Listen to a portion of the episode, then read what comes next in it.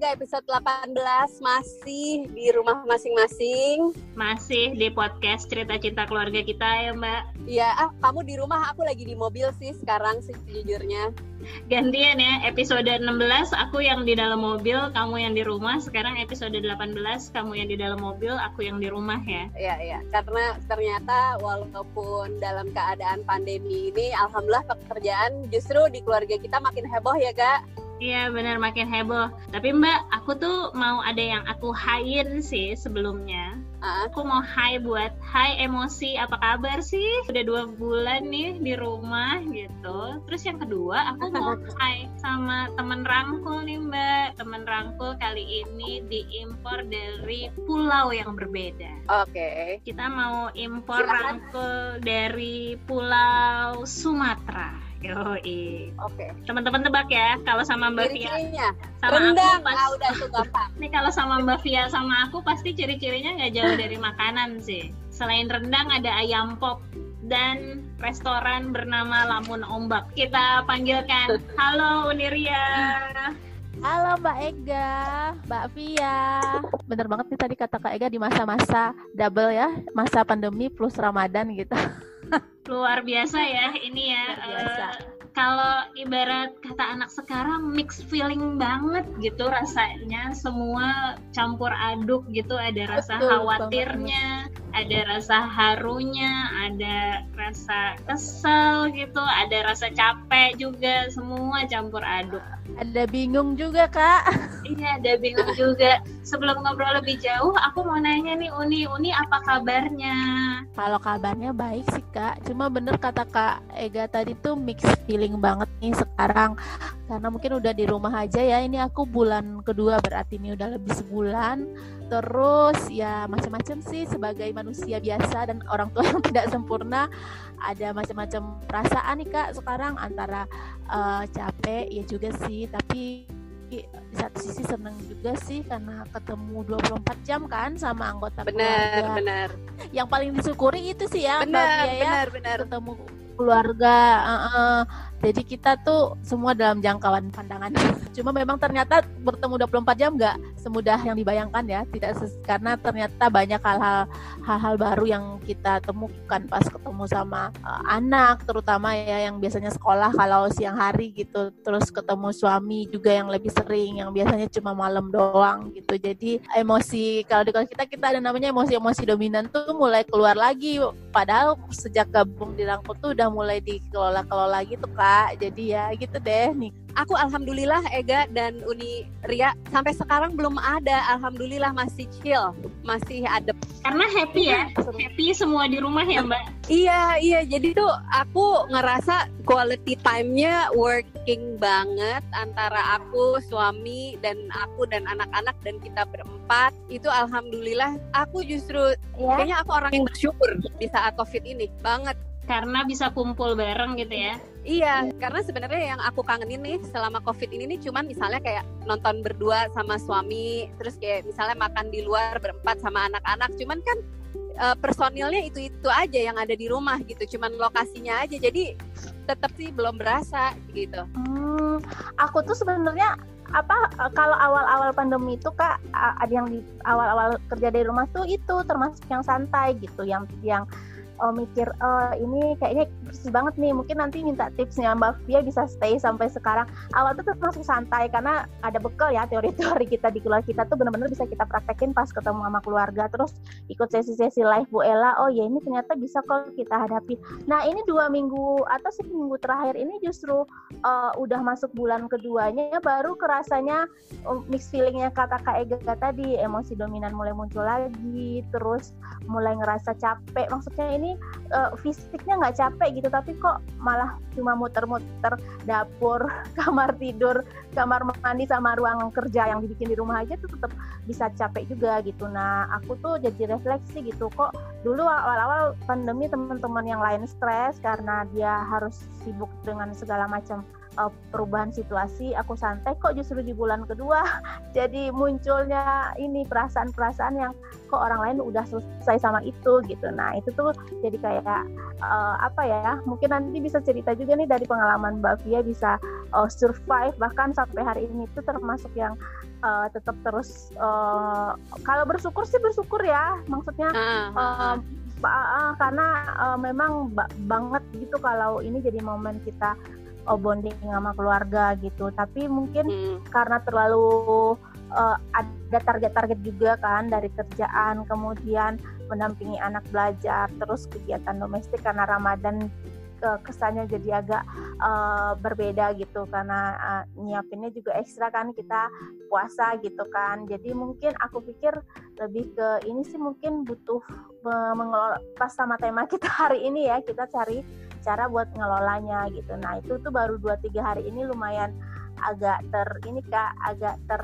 terkelola gitu dengan uh, dengan ini dengan cerita sama orang lain sih. Aku teman cerita sama teman sharing sama teman sama rangkul juga. Terus oh, baca-baca kisah oh ternyata tuh bisa loh kita cari cara dengan beberapa uh, uh, cara dari teman lain gitu. Nah itu sih kak mungkin Pak Fia bisa yeah, iya. cerita yeah. juga sih kalau aku justru uh, struggle-nya di minggu pertama karena kondisinya baru gitu aku yang biasanya cuma satu anak tiba-tiba bertambah jadi empat gitu jadi harus ngeliatin mereka secara bergantian proses belajarnya. Nah, karena mereka beda jenjang, itu lumayan membagi waktunya di minggu pertama. Jadi ada luapan-luapan emosi lah di minggu pertama dan kedua. Nah pas di minggu ketiga tuh e, bikin jadwal kan. Nah dari situ e, mulai gak mending ditambah lagi ini karena aku membuka kembali si materi keluarga kita tentang emosi dominan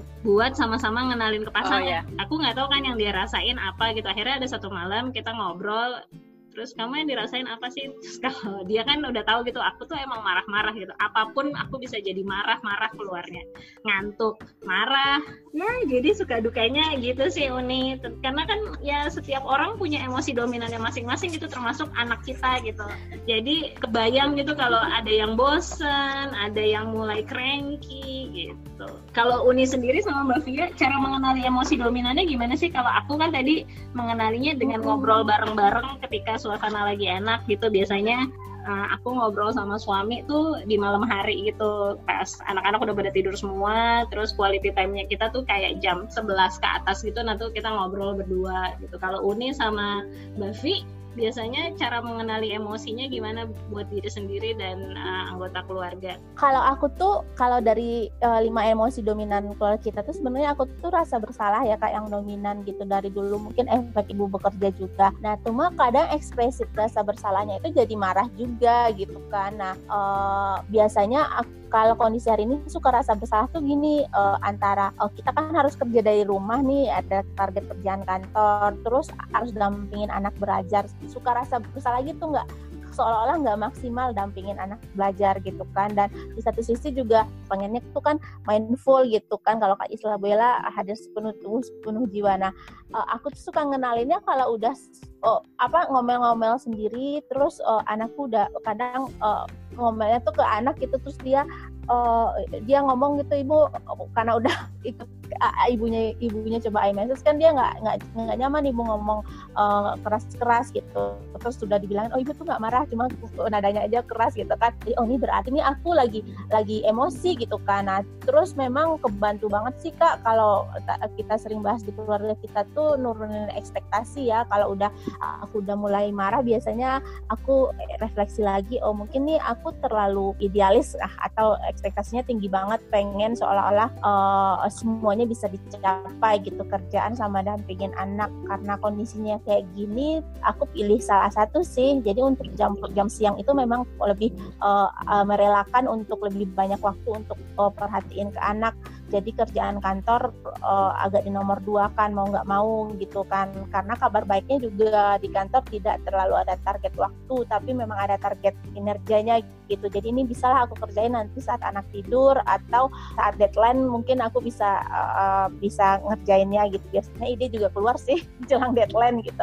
Biasanya kalau udah mulai ngomel-ngomel uh, aku kenalin itu terus suami juga suka komen nah, ini kayaknya kayak nggak stabil gitu kan dengan dengan gaya humor kami di rumah gitu jadi uh, biasanya aku tuh karena sebenarnya marah itu muncul karena sebenarnya aku tuh merasa bersalah gitu karena nggak merasa nggak maksimal dengan uh, apa yang aku rencanakan. Apalagi kalau sama anak ya ini pengalaman banget loh kak. Ini kejadian kemarin kan ada tante jauhnya gitu datang uh, ada keperluan penting banget kan. Terus dia tuh main bentar ketawa-ketawa gitu. Terus komen kan ih seru banget sih ketawa-ketawa. Iya nih soalnya sama ibu nggak bisa ketawa cuma malam doang ketawanya. Soalnya ibu sibuk ngetik ngetik ngetik lah ngetik lah gitu kan. Kan lagi kan tunggu sebentar balik ibu mengetik. Kan biasanya suka bilang kayak gitu terus aku jadi jelek. Oh my god berarti selama ini nih sebenarnya anakku juga punya perasaan gitu. Maksudnya dia dia merasakan mengobservasi juga kalau ternyata selama bekerja di rumah walaupun kesannya aku yang itu untuk menampingi dia belajar tapi dia menangkapnya tetap aku sibuk gitu kan. Nah tadi tuh pas banget ada sesi ulangan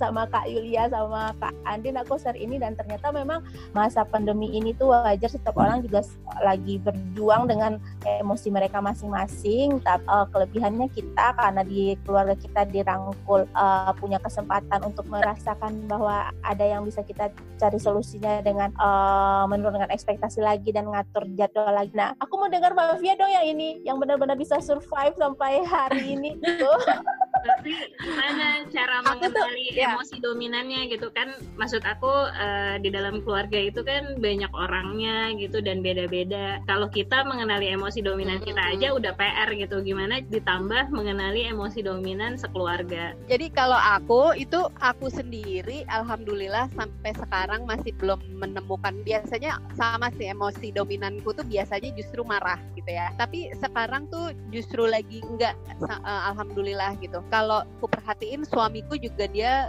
justru lagi seneng banget, lagi santai banget. Bahkan dia itu kemarin pas awal-awal pandemi kan masih ada kerjaan remote ya gitu. Itu tuh dia bilang gitu, aku dengar waktu lagi meeting sama krunya gitu, sama teman-teman kantornya, itu dia bilangnya gini, gimana guys, apa kabar gitu. Justru enak ya kerja kayak gini gitu. Kalian gimana? Kalau gue kok justru seneng ya kayak begini, suasananya kerja dari rumah, lagi amat sangat menikmati gitu. Jadi aman gitu ya. Nah paling sih dua anak itu aja sih, anak-anak gue aja sih, terutama yang kakak ya gitu. Karena kakak tuh tipenya yang emang uh, extrovert gitu ya. Dia tuh udah sempet yang cranky banget gitu. Ya paling biasanya uh, ini aja gitu. Aku aku peluk gitu. Aku ajak ngobrol gitu. Terus kayak tadi pagi aku bilang gitu. Nanti kalau misalnya uh, pandemi ini udah selesai apa yang kakak mau lakukan pertama kali? Terus habis itu kan nanti ada libur tuh gitu. Misalnya pandeminya udah selesai nanti libur akhir tahun bayangan kamu apa? Jadi diajak membayangkan yang senang-senang paling enggak tuh dia kayak punya pengharapan bahwa this is going to be over gitu. Aku sebentar lagi atau kapan pun itu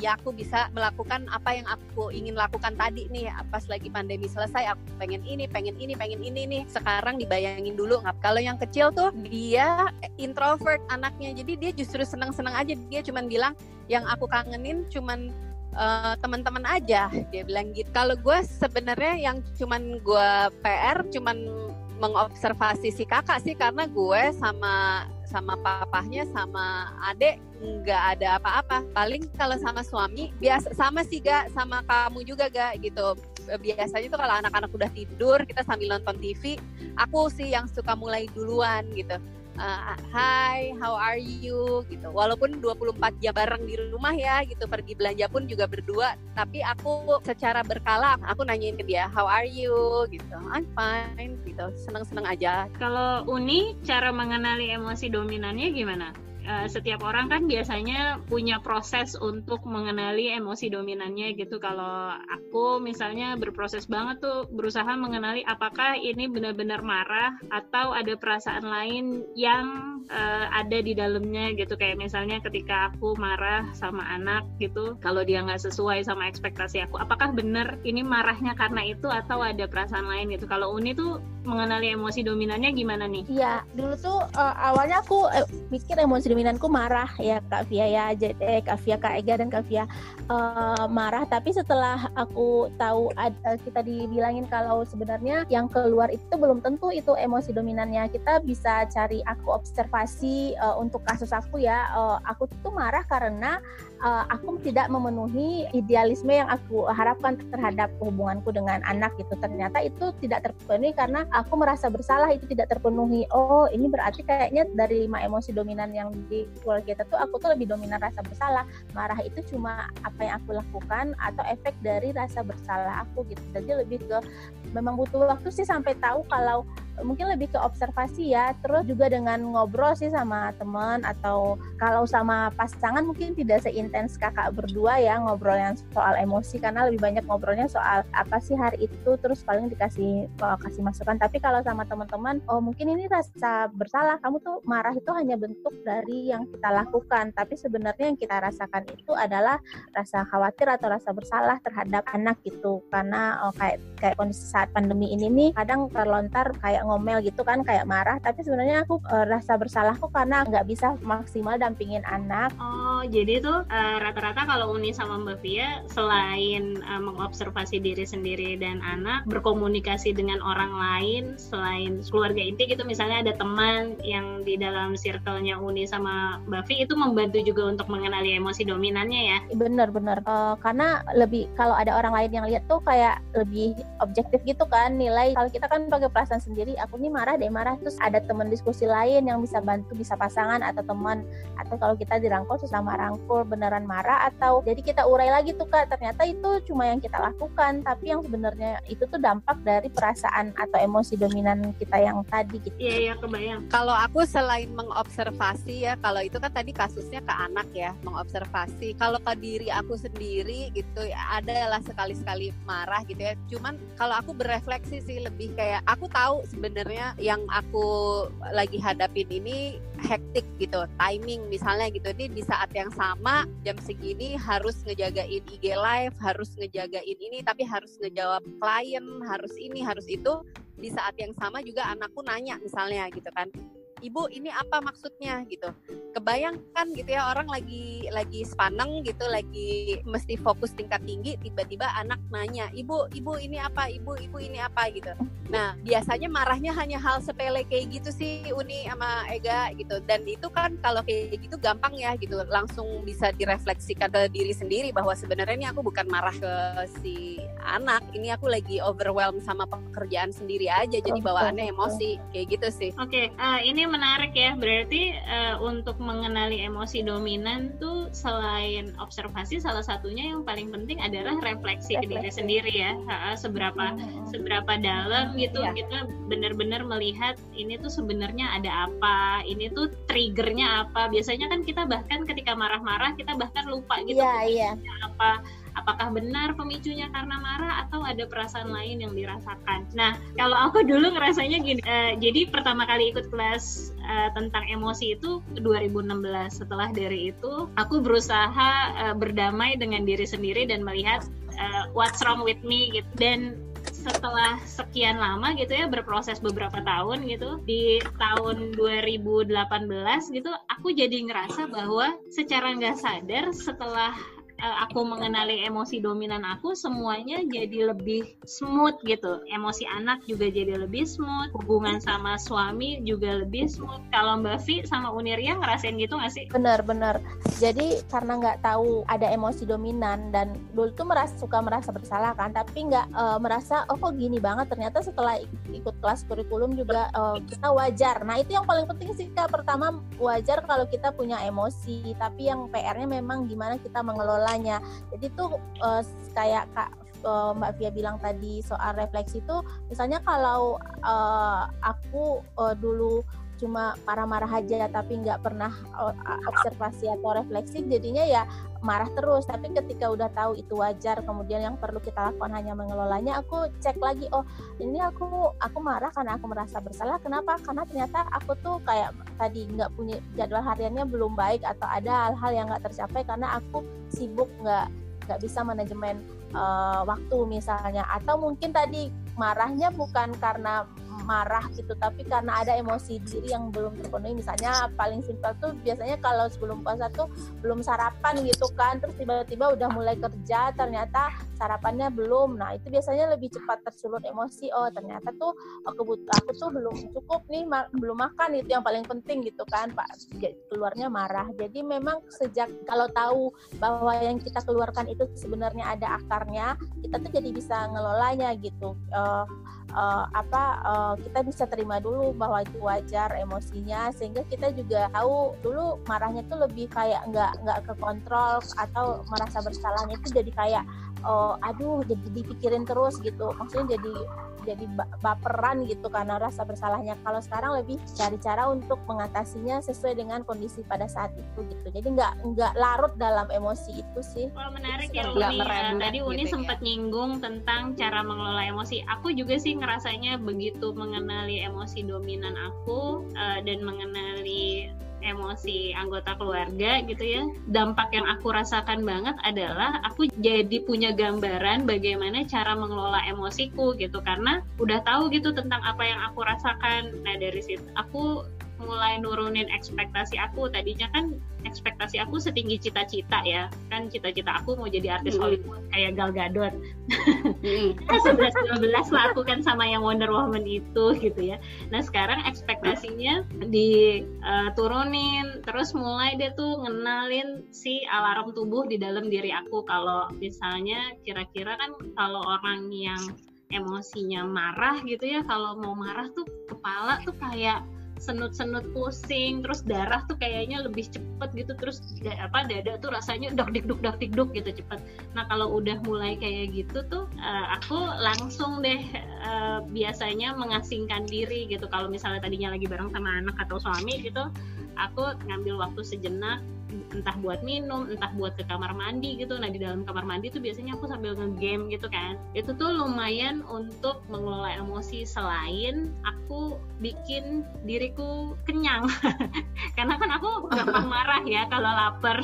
Kalau sekarang ya udah kalau emang udah berasa lapar, kalau emang berasa butuh istirahat, aku minta waktu sih sama suami dan anak gitu. Kalau Uni sama Mbak Fi tuh cara mengelola emosinya gimana sih? Apalagi kan uh, apa namanya Mbak Fi tadi sempat bilang belakangan ini tuh di tengah pandemi ini lebih chill gitu. Mm -mm, Gak, gak, tapi mau nanya dulu gak kalau misalnya dari Gatot Gadot tuh diturunin jadi siapa gak? Pertanyaannya itu. kayak Gerber sih. Aku tuh kayak, lo tau gak kayak Gerber gak anaknya Cindy Crawford? Aku taunya Nunung. Kalau itu tetap tinggi juga. Aku, aku tahu. Jangan Nunung dong. Gue kalau Mbak Nunung sama Atun aku tahu. Atun sih gue lebih mirip ya kejepitan jidor gitu kan. Gila, itu ya di antara semua episode Sidul itu paling epic sih kejepit Tanjidor tuh terngiang-ngiang seperti ini dan selalu ketawa tiap episode. Oh, Oke, okay, boleh Bu Fia kembali ke obrolan. Saya nanti jadi ngelenong. Oke. Okay. okay. kalau aku kalau aku tuh ini sih gak makan pokoknya. Harus fulfill dulu. Kebutuhan diri tuh harus terpenuhi dulu baru um, yang lain tuh bisa smooth jalannya. Itu tuh kalau aku sering banget ngomong ke teman-teman kayak di pesawat aja gitu dibantu dulu dirinya sendiri kan pakai masker dulu baru bantu orang lain. Kalau aku ya kak ya. Kan emosi yang keluar tuh selalu marah ya. Tadi kan udah bincang saya jadi efeknya kan apa akarnya karena rasa besar dan lain sebagainya. Tapi marah yang keluar itu kalau dulu tuh sebelum kena rangku tuh marahnya itu pakai uh, itu bisa berapa episode gitu maksudnya. Uh, uh, nggak uh, ngalahin drama Korea episodenya. Maksudnya hmm. marahnya itu bisa uh, nggak uh, nyambung gitu sama konteks yang di pemicu pemicu marah itu. Misalnya anak tuh uh, uh, makan makan kue makan kue yang kita beliin tuh nggak habis kan terus bisa hmm. oh kamu nggak habisin ini nanti nggak bakal ibu beliin kue selamanya gitu kan nggak mungkin banget kan uh. kenyataan yang nggak uh. mungkin. Nah dulu tuh sampai kayak gitu. Kalau sekarang tuh uh, ditahan tarik nafas dulu gitu kan. Dulu aku tahu teori tarik nafas tapi nggak pernah dicoba. Sejak dirangkul baru kayaknya kita harus cari cara deh. Nah pas tarik nafas terus uh, aku bilang sebentar gitu kan kalau ada pasangan atau siapa di sana ditinggalin. Memang melipir kalau Kak Ika tadi kan melipir ke mana minum atau apa aku bisa tinggalin. Kalau enggak aku yang memang ninggalin anak juga kalau konteksnya ke anak terus uh, atau bisa bilang tunggu sebentar ya uh, tarik nafas 5 menit daripada ibu ngarahin baru kita kesel habis itu baru di disampaikan apa kesalahan yang dia lakukan menurut kita dengan bahasa komunikasi uh, yang lebih baik gitu.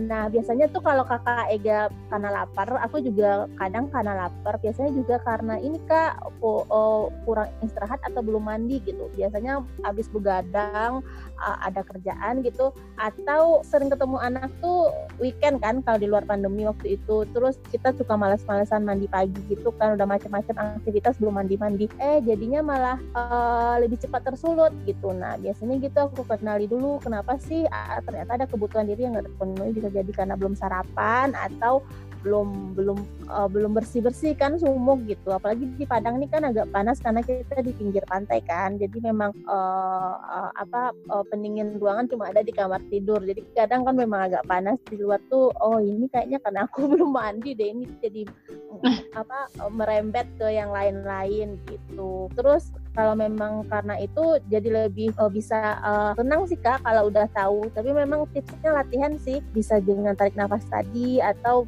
mandi itu. Jadi aku jadi biar rasanya tenang tuh segar. Apalagi kalau lagi marah banget atau bumet tuh aku keramas sih. Mm-hmm. Oke okay. jadi tuh poinnya yang pertama tuh kalau kita mau mengelola emosi caranya bisa dengan kelola ekspektasinya terus penuhi kebutuhan diri sama mendengarkan alarm tubuhnya gitu. Mm-hmm benar-benar um, pertama ya berefleksi dulu gitu ya observasi habis itu ya dal kalau dalam keadaan pandemi ini sih benar-benar menurunkan ekspektasi ya terutama ke anak-anak gitu. Namanya juga anak-anak lah ya namanya bosen di rumah terus gitu ya. Dan ngatur jadwal diri sendiri sih. Jadi aku ada waktunya aku nemenin anak-anak ada waktunya ngurusin kerjaan gitu. Dan yang terakhir itu sih memenuhi kebutuhan diri dulu gitu. Kalau berarti berarti kalau emosi pilihannya cuma dua ya deket-deket dapur atau deket-deket kulkas. Kalau Uni tadi deket-deket yeah. kamar mandi biar bisa mandi ya Uni. Iya makan juga sih tetap kayaknya oh, makan ini semua orang hampir dipastikan semua orang tuh kalau belum makan lebih sering marah, lebih cepat marah ya kayaknya itu kebutuhan pokok kan asupan. Tapi juga istirahat sih kak. Lihat kebutuhan diri itu penting banget sih. Biasanya kalau kita udah selesai sama diri kita kita bisa lebih waras menghadapi sekitarnya. Bener banget tadi kak Via analogikan kayak di pesawat kan gimana kita mau mm -hmm menolong orang kalau kita aja masih ngap-ngapan gitu. Jadi memang makan mandi kayak cukup istirahat gitu. Penting banget sih kayaknya untuk situasi kayak gini. Jadi memang kayaknya setiap waktu itu uh, emosi kita ini ada tantangan buat naik kelas gitu nggak sih? Kerasa nggak sih kak? Dulu waktu sebelum pandemi nih oh kayak gini nih kita oh, bisa ngatasin cuma dengan cara seperti ABC pas udah pandemi cara ABC-nya ternyata nggak mempan. Jadi harus tambah lagi karena ada ada ada drama-drama baru gitu. Menurut aku tuh jadi kayak serunya di sana sih mungkin. Karena karena kita hidup terus ya sampai sampai besok-besok entah apa lagi gitu yang akan kita hadapi gitu. Jadi kita perlu memang kelola kebutuhan diri kita sesuai situasi saat ini gitu. Iya iya, kehidupan tuh lucu ya membawa kita untuk terus naik kelas dan jadi belajar gitu eh, berbagai macam cara untuk bikin semuanya jadi bisa teratasi. Plus uh, jadi seru ya kita jadi tahu limit kita batasnya sampai mana gitu. Kalau yang saat ini batasnya sampai sini terus kemudian ternyata kita bisa melewati batas itu di kemudian harinya itu seneng ya kayak dapet tantangan bahwa kita bisa menyelesaikan uh, permasalahan emosi kita gitu ya. Ini Mm-mm. kebayang nih teman-teman yang lagi ngedengerin podcast cerita cinta pasti penasaran apaan sih emosi dominan nih kok ngobrolnya bisa seseru ini? gitu ya. Buat teman-teman yang penasaran banget tentang emosi dominan dan pengen tahu lebih dalam boleh loh uh, ikut kelas online-nya keluarga kita. Kebetulan keluarga kita baru aja ngeluarin kelas online di aplikasi sekolah.mu judulnya manajemen emosi orang tua. Nah, di situ tuh membahas lebih dalam tentang si emosi.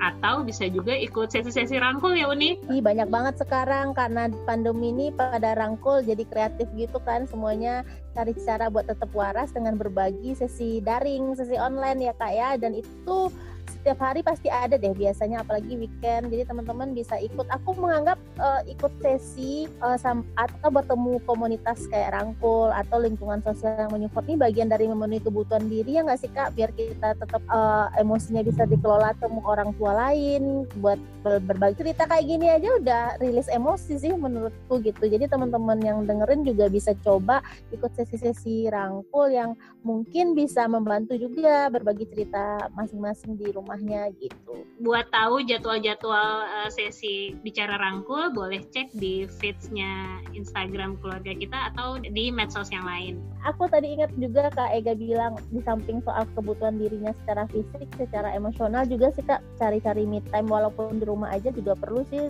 me time misalnya kalau aku suka nonton drama Korea kan jadi mungkin itu me time. Teman-teman lain mungkin suka apa gitu nonton nonton juga apa baca buku. Kayaknya penting juga sih di masa kayak gini untuk kesehatan mental kita ya nggak kak? Iya benar-benar. Salah satunya yaitu ya bertemu dengan teman-teman gitu. Kalau sekarang nggak bisa bertemu mungkin bisa teleponan berkomunikasi dan menceritakan apa yang kita rasakan itu juga membantu untuk merilis emosi kita kayak hari ini nih kayaknya senang sekali bisa ngobrol sama Mbak Via dan uh, Uni Ria dari Padang.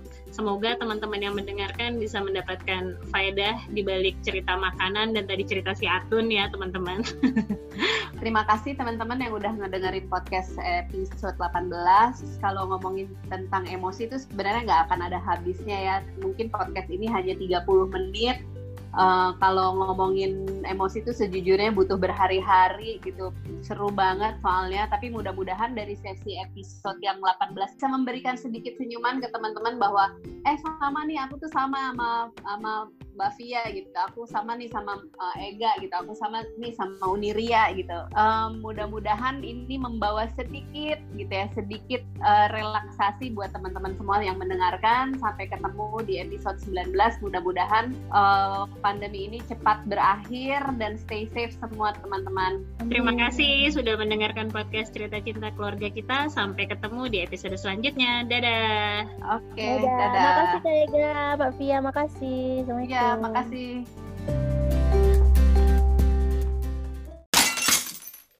Oh, thank you.